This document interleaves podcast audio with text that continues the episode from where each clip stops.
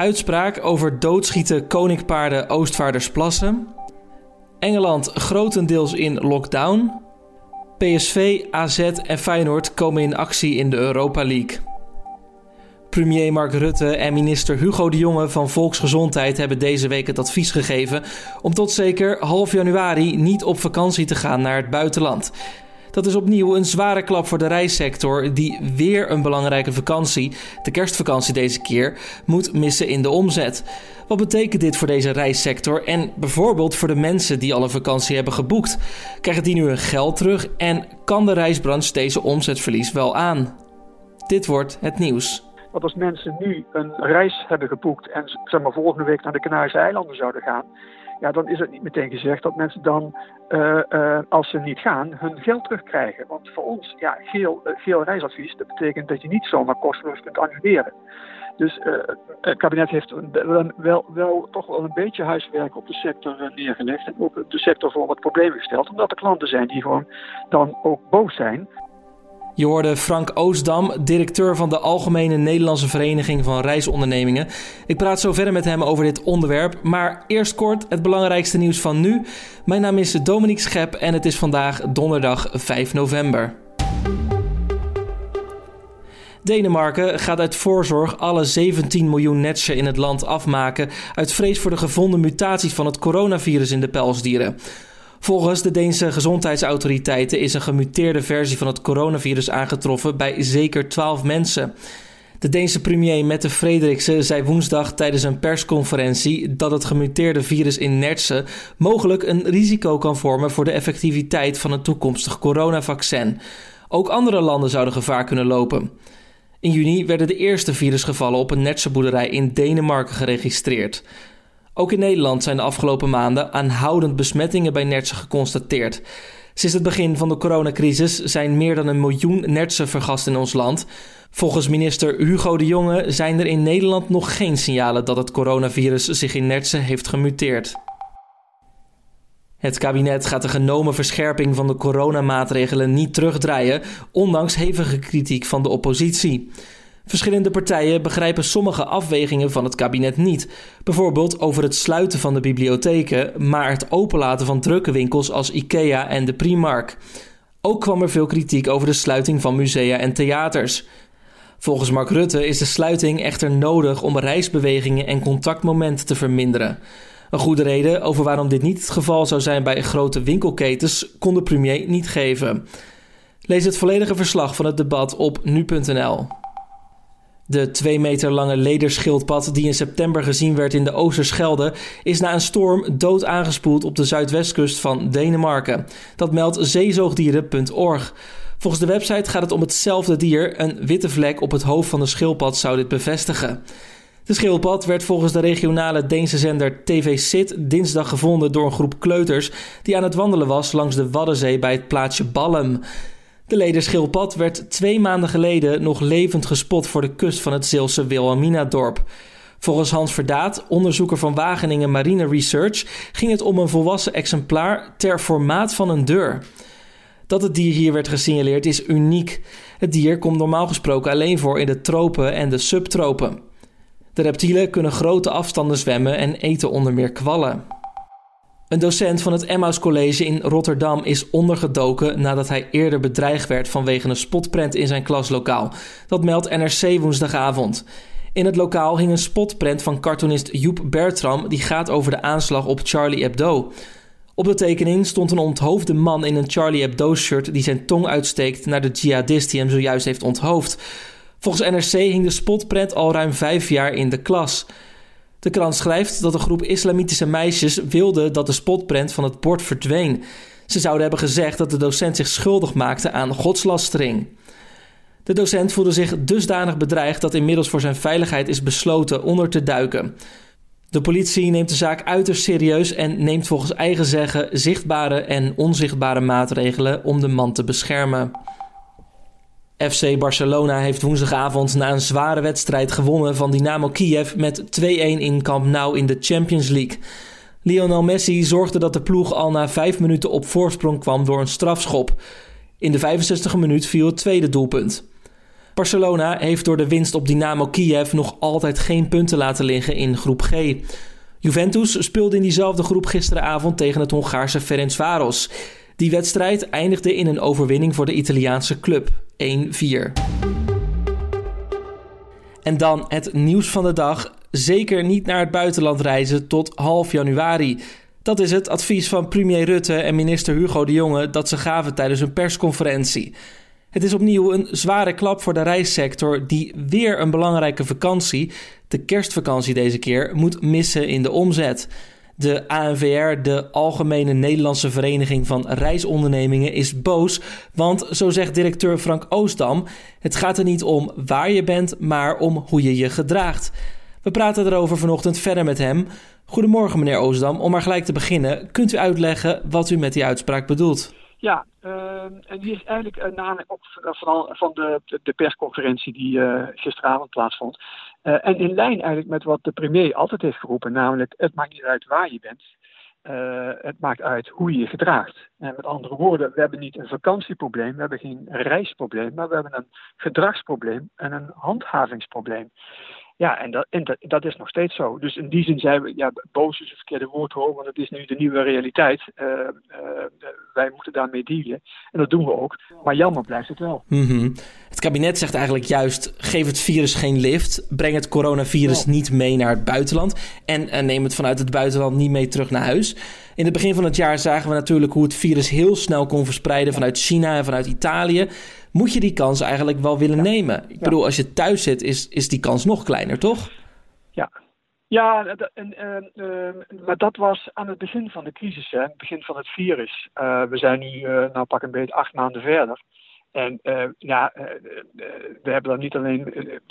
Uh, dat betekent dat we ons hebben ingesteld. Hè, en dat we er alles aan gedaan hebben om reizen, mobiliteit op een zo goed mogelijke manier, coronaveilige manier te laten verlopen. Dus alle hotels, in ieder geval de, de, de, meeste hotels, die hebben allemaal hele strikte protocollen. We weten intussen ook dat vliegen niet zo besmettingsgevaarlijk is dan we oorspronkelijk dachten. Dus wij zijn ervan overtuigd dat je reizen, als je het goed doet en goed inricht, um, uh, en dat dus op een goede manier doet, dat je dat op een veilige manier kan doen. Maar goed, het kabinet heeft anders besloten. En uh, ja, dat is. -hmm. Maar u noemde het advies wel een uh, buitenproportionele maatregel. Veel bedrijven hadden ook hun hoop gevestigd op die najaarsvakanties. waarop baseerde u die uitspraak dat het, dat het buitenproportioneel is? Ja, klopt. Ja. En dat is ook gebaseerd op de RIVM-cijfers. De RIVM-cijfers. Als je kijkt naar de, de opsplitsing van uh, welke activiteiten nou het meest bijdragen aan, uh, aan besmettingen, dan is dat de thuissituatie en de werksituatie. Maar vakantie en, en, en uh, reizen 2,3 procent. ja, dat is niet niks, maar het is ook niet heel veel. Dus daar is het op gebaseerd en daarom noemden wij het ook buitenproportioneel. En, en dat vinden we nog steeds. ook gelet op ja, de, ik zou bijna zeggen, de mentale dreun die uh, zo'n uh, persconferentie dan uh, de sector ook nog een keer toedient. Want ja, de economische schade is, was al groot en die wordt hierdoor nog groter. U zegt er is een mentaal probleem veroorzaakt bij de sector door die persconferentie. bedoelt u daarmee dat de motivatie binnen de branche weg is? kunt u dat uitleggen? Nee. Dat is een goed. Nee, nee want ik, ik, ik, noem het bewust ook een mentale klap, omdat uh, kijk, uh, Europa was al helemaal gesloten. Hè. We hadden nog, nog een, paar bestemmingen waar we naartoe konden voor uh, gisteravond. nog vier landen waar we naartoe konden. dus de inkomsten waren al eigenlijk helemaal nul. die waren al heel laag.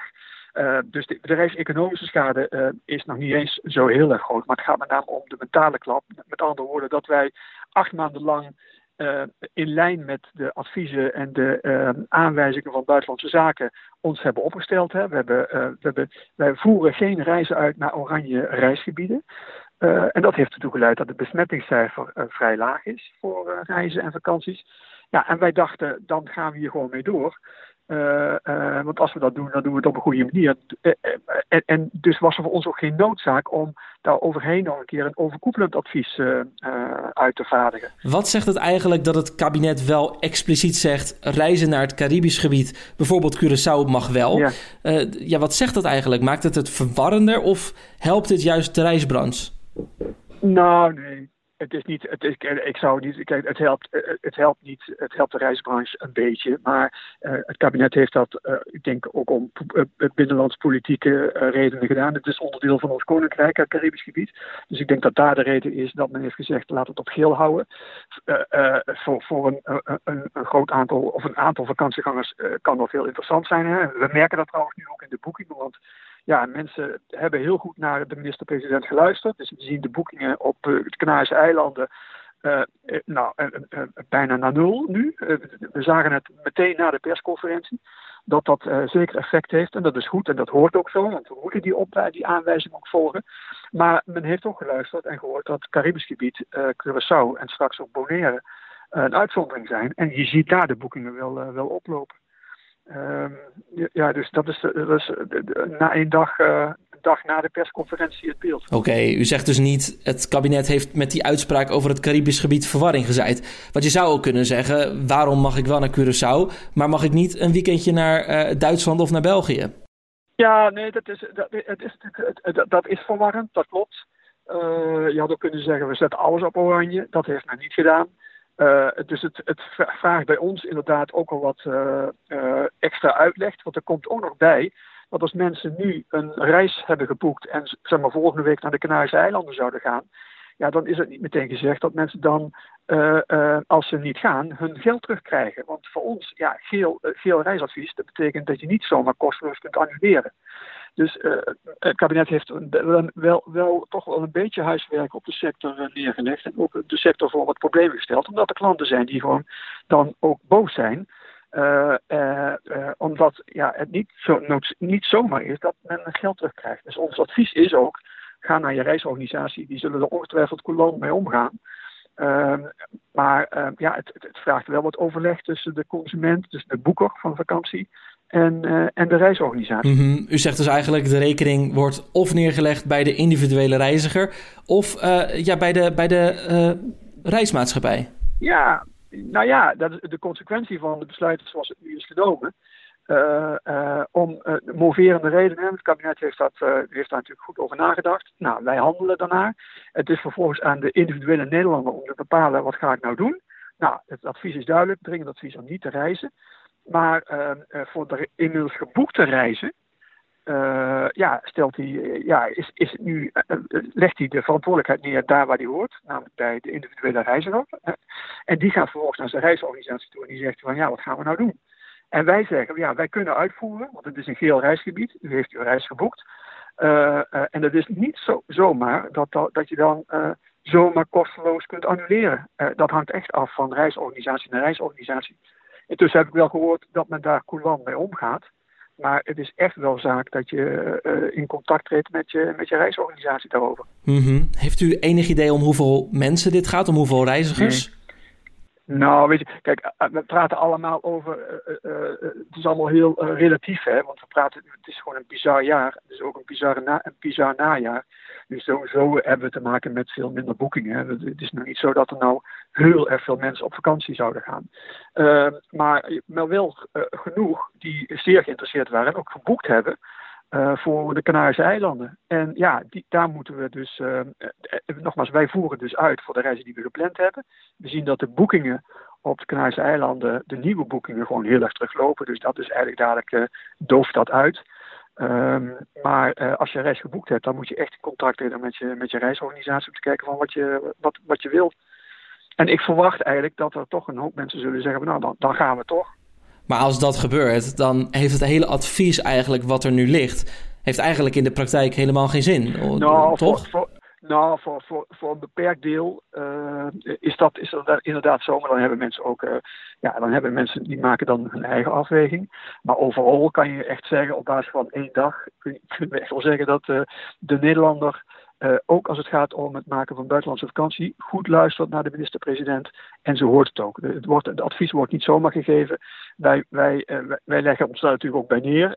En dit is de nieuwe werkelijkheid. En wij richten ons op nou ja, zeg maar na half januari. En ik hoop wel oprecht dat het kabinet met ons gaat nadenken hoe we dan wel op een goede manier kunnen gaan reizen. En daarvoor zijn testen belangrijk. Ga nou zo snel mogelijk je instellen op het inrichten van, van nou, in eerste instantie sneltesten. Test mensen voordat ze gaan, test mensen voordat ze vertrekken. En dan, dan, dan heb je al een hoop opgelost. dan kunnen we iedereen toch redelijk mobiel houden. Uit mijn hoofd zeg ik, dit gebeurt ook al voor Curaçao, toch? Ik, daar wordt toch ook al getest vooraf? Klopt, klopt klopt. En dat is een hele goede. Uh, maar dat moeten we, dat moeten we straks. Uh, want ik hoop toch echt dat we over een paar maanden weer verder kunnen gaan. Of uh, ook naar andere bestemmingen kunnen gaan reizen dan Curaçao. Maar het moet gewoon een soort standaard worden. Mensen moeten gewoon zichzelf laten testen als ze willen vertrekken en testen als ze, als ze terugkomen. En dan ben je van, uh, van, die, van, die, van die reisadvisering af. En daarin staan we trouwens niet alleen, hè, want de Europese Commissie roept dat ook. Hè. Die zegt ook harmonisatie van reisadviezen. En laten we met elkaar zo snel mogelijk komen tot een soort, noem het maar, testmaatschappij. En er hoort ook testen voor, voor, voor vakanties bij. En dan, dat geeft duidelijkheid. En dan, dan, hoef je ook niet bang te zijn dat je, dat je op een plek komt waar, um, waar besmettingsgevaar is. Uh, dat, dat, geeft gewoon, uh, dat geeft gewoon duidelijkheid. En dat, dat, geeft, dat, geeft ook de gelegenheid om weer uh, die mobiliteit op gang te brengen. Want dat hebben we toch met, met elkaar nodig. Je hoorde Frank Oosdam, directeur van de ANVR, over het advies van het kabinet om tot half januari niet te reizen naar het buitenland. Een kijkje in de nieuwsagenda voor deze dag. De rechter bepaalt vanmiddag of 150 koninkpaarden in de Oostvaardersplassen doodgeschoten mogen worden. De zaak was aangespannen door dierenrechtenorganisatie Animal Rights. Staatsbosbeheer is al een tijdje bezig om het aantal zogeheten grote grazers in het natuurgebied te beperken. De organisatie heeft geprobeerd zoveel mogelijk paarden over te plaatsen, maar dat lukte niet allemaal. Vandaar het plan om ze te doden. In de strijd tegen het coronavirus gaat Engeland vandaag voor de tweede keer grotendeels op slot. Alle niet noodzakelijke winkels moeten dicht. Onderwijsinstellingen, zoals scholen en universiteiten, mogen wel open blijven. Ook onder meer musea en theaters gaan dicht. De nieuwe lockdown in het land duurt tot 2 december. Dan tot slot sport nog. PSV, AZ en Feyenoord komen vanavond in actie in de Europa League. PSV heeft om 5 voor 7 de aftrap bij en tegen PAOK Saloniki. En op hetzelfde tijdstip speelt AZ tegen Real Sociedad. Tot slot begint Feyenoord om 9 uur in de Kuip tegen CSKA Moskou. En dan nog een kijkje naar het weer van deze donderdag. Wilfred Jansen van Weerplaza, goedemorgen. Goedemorgen.